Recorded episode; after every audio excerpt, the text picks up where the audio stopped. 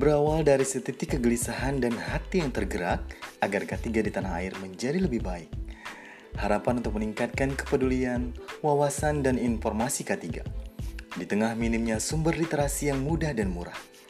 Sekelompok anak-anak muda yang sama-sama memiliki mimpi menjadikan K3 di Indonesia jauh lebih baik lagi.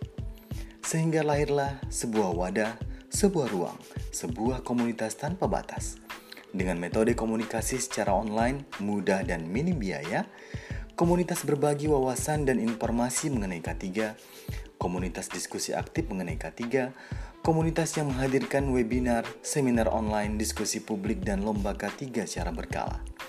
Komunitas untuk menambah jejaring K3, komunitas itu bernama Komunitas K3 Muda Indonesia. Menunggumu untuk bergabung siapa pun kamu.